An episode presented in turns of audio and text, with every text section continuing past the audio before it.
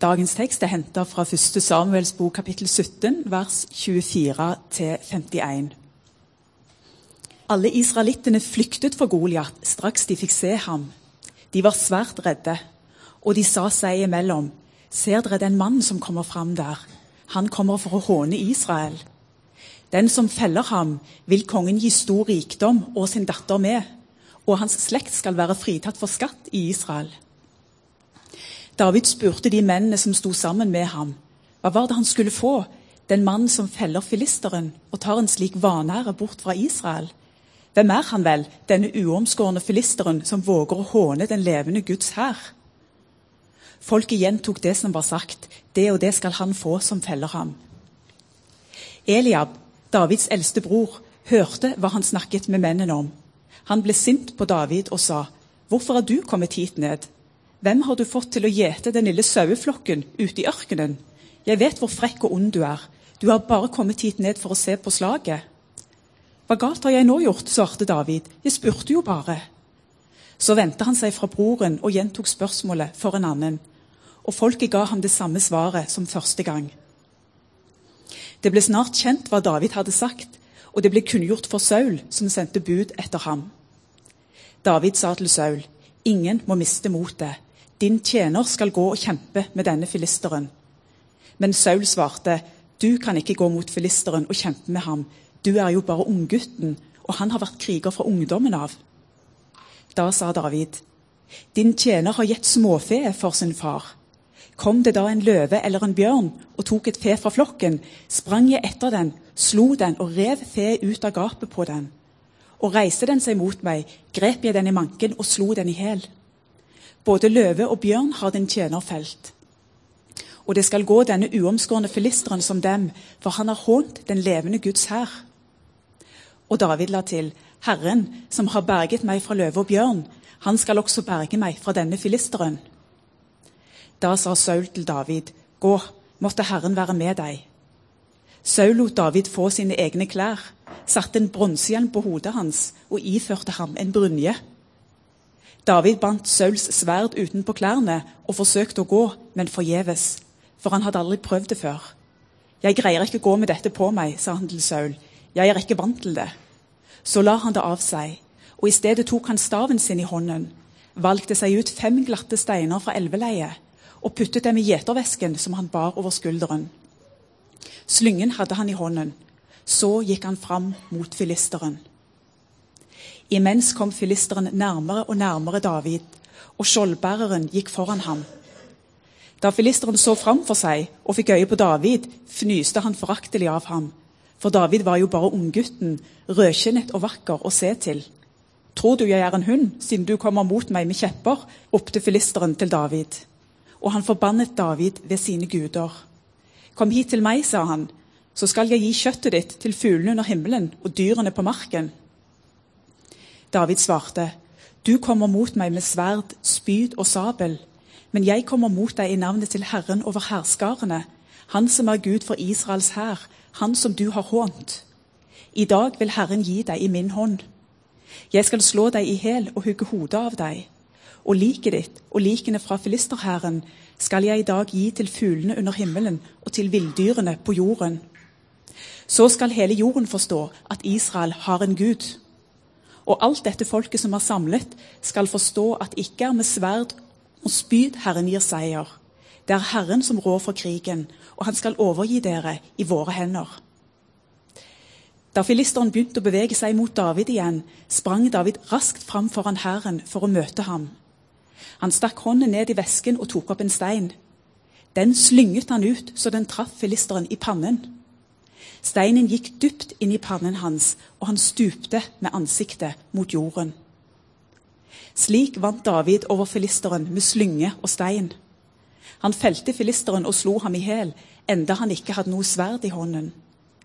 David sprang bort til filisteren, tok sverdet hans og dro det ut av sliren og drepte ham. Så hogg han hodet av ham.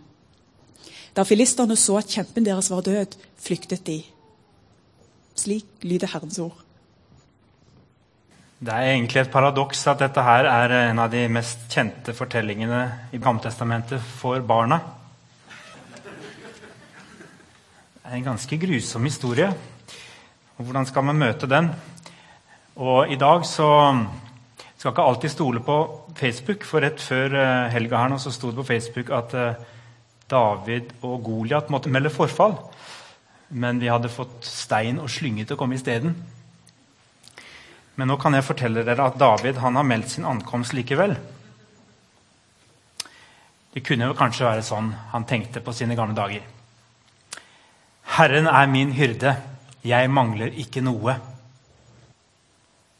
Det var dette jeg sang dag ut og dag inn mens jeg selv gjetet sauene til min far der ute på markene. Det var en ganske lykkelig tid. Jeg var ung den gangen. Ung og lovende, vil noen si, men selv visste jeg lite om framtida. Annet enn at jeg var salvet av profeten Samuel da jeg var ganske liten. Faren min han hadde sagt at det kunne bety at jeg ikke skulle gjete sauer hele livet. At jeg kanskje skulle gjete mennesker, beskytte folk, ikke dyr. Jeg sluttet jo egentlig aldri å være en gjeter. Jeg ble en hærfører som vant store slag. Jeg samla meg på et tidspunkt en gjeng med fredløse mennesker i en hule og ble høvding og gjeter for dem. Og så kom dagen da jeg inntok kongetronen i Israel og ble konge og gjeter for et helt folk. Jeg hadde liksom ikke noe valg. Helt fra den dagen Samuel salvet meg med olje, var det akkurat som om planene var lagt for meg. Underveis så svikta jeg grundig. Jeg falt for en kone som ikke var min. Og etterpå fikk jeg den uskyldige ektemannen drept for å skjule utroskapen. Jeg er ingen helt. Jeg er en maktmisbruker. Hadde det skjedd i dag, hadde dere ikke latt meg få lov til å fortsette som konge etterpå, tror jeg. Dere hadde ropt 'metoo'. Det var andre tider den gangen. Grunnen til at jeg fortsatte etter at det gikk opp for meg hva jeg egentlig hadde gjort, var vel at profeten ikke ga meg noe valg. egentlig. Det var min plikt å fortsette som konge. Men jeg var livredd for om jeg måtte være konge uten Gud etterpå. Uten å vite at jeg spilte på Guds lag. For hvem var vel jeg uten Gud? Ingenting. En skygge av meg selv. Jeg begynte å reflektere. Et eller annet sted underveis hadde det skjedd noe med det enkle og rene hjertet mitt. Var det makten? Var det all rikdommen? Var det alle fristelsene? Det skal sterk rygg til å bære så mange seire på sine skuldre og bære så mye makt som jeg fikk allerede som ganske ung. skal jeg fortelle dere. Prøv det, den som vil. Jeg var ikke så sterk som jeg selv og alle ville ha det til. Det begynte med den snikende, farlige følelsen av at det var jeg som var spesiell. At det å være utvalgt betydde at det gjaldt andre regler for meg enn for andre. Jeg glemte at det å være utvalgt av Gud først og fremst handler om å være avhengig av Han. Det er Han som er spesiell. Det var ikke jeg som hadde fått Gud på mitt lag som et, liksom et ekstra våpen jeg kunne rope på når jeg trengte det. Et ekstra våpen jeg kunne ty til for å styrke min egen makt. Det var han som hadde invitert meg til å være med på hans lag. Og han hadde valgt meg fordi jeg hadde den rette hjerteinnstillingen. Det var det hjertet han langsomt måtte grave fram igjen. I desperasjon ropte jeg Skjul ditt ansikt for mine synder, utslett all min skyld. Gud, skap i meg et rent hjerte, gi meg en ny og stødig ånd. Driv meg ikke bort fra ditt ansikt, og ta ikke fra meg din hellige ånd. Gi meg igjen gleden over din frelse.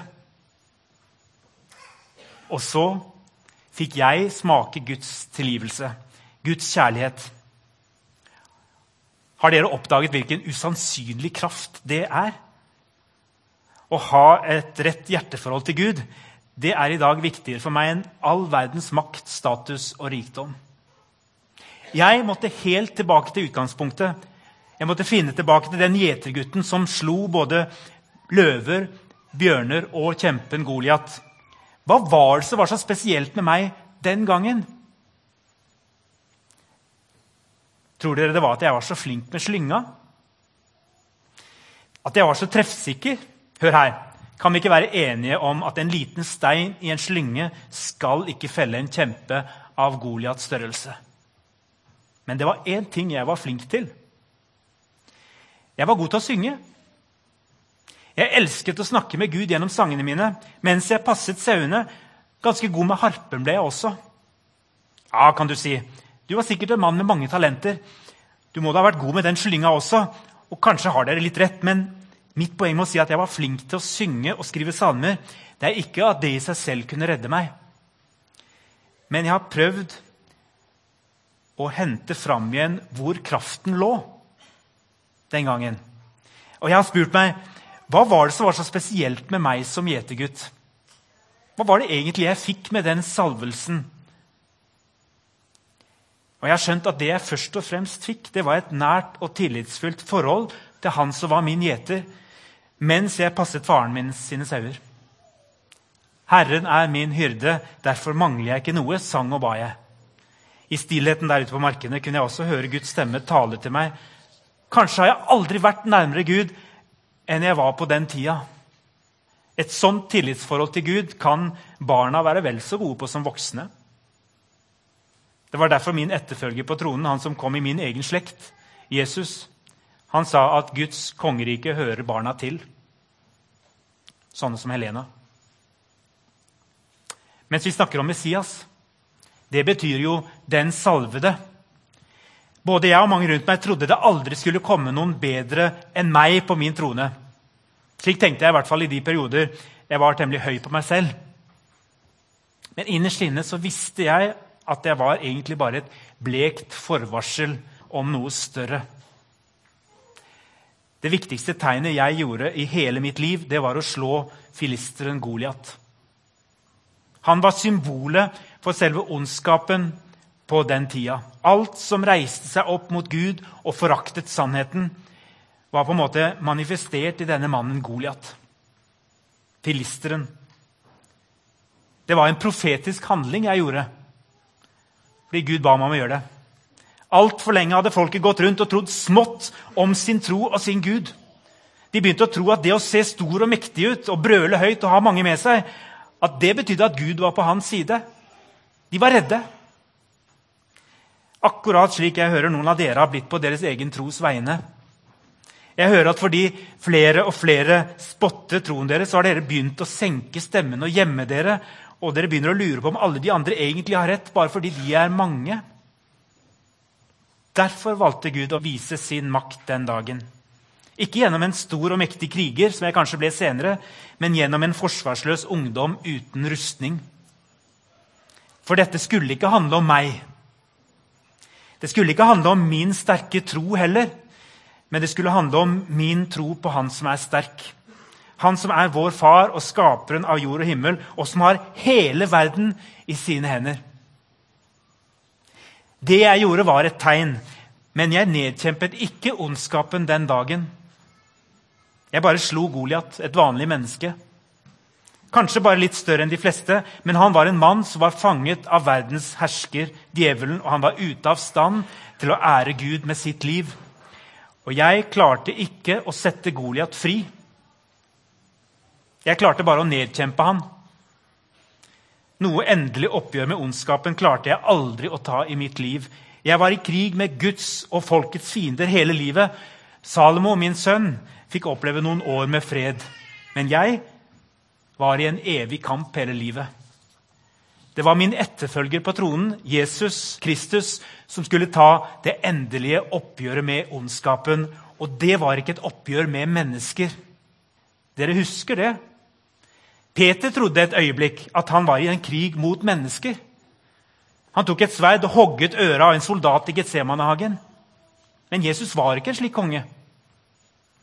Ja, han kalles min sønn, Davids sønn, menneskesønnen, men mer enn noe annet så er han Guds sønn.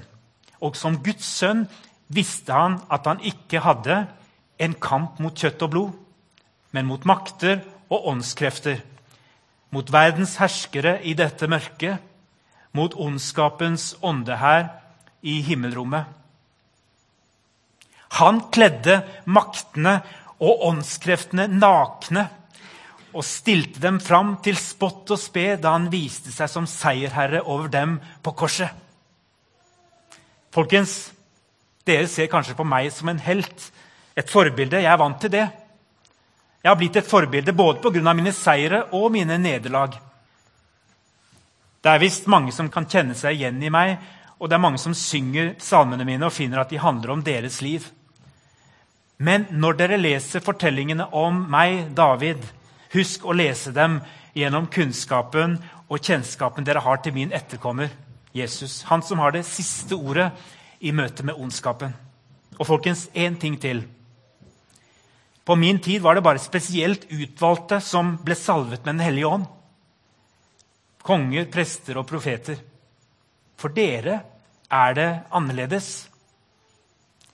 Husk hva en av deres store forfattere, Paulus, skriver. I dåpen ble dere begravet med ham, og i den ble dere også reist opp med ham ved troen på Guds kraft, han som reiste Kristus opp fra de døde. Og han lovet at alle som følger ham, skal få kraft idet Den hellige ånd kommer over dere, og dere skal være hans vitner, både Jerusalem og hele Judea og Samaria og like til jordens ende. Og det betyr at dere er representanter. At dere kan gjøre Jesu ord til deres egne fordi dere er på hans lag. Dere har ikke han med dere i lomma. Det er ikke sånn at Han er på deres lag og skal styrke dere i alt dere har for dere. Men dere skal få lov til å være på hans lag. Og da skal dere også få lov til å si Herrens ånd er over dere. For han har salvet dere til å forkynne et godt budskap for fattige. Han har sendt dere for å rope ut at fanger skal få frihet og blinde få synet igjen. Og for å sette undertrykte fri og rope ut et nådens år fra Herren. Dette er kampen mot Goliat som dere er satt til å føre. Til å være vitner om seieren som er vunnet, så mennesker får øynene opp for at dødens makt er vunnet. Det ser kanskje ikke sånn ut, men dødens makt er vunnet. Tenk stort. Ikke fordi dere er spesielt store, kanskje, men fordi dere er på lag med Jesus. Og folk har ikke sagt nei til Gud. De vet bare ikke hvordan han ser ut. De trenger å høre om han gjennom dere. La oss be. Herre, jeg løfter min sjel til deg. Min Gud, til deg setter jeg min lit. La meg ikke bli til skamme. La ikke fienden fryde seg over meg. For ingen som setter sitt håp til deg, skal bli til skamme. Til skamme blir de troløse med sine tomme hender. Herre, la meg kjenne dine veier. Lær meg dine stier. La meg få vandre i din sannhet. Lær meg, for du er Gud, min frelser. Til deg setter jeg alltid mitt håp.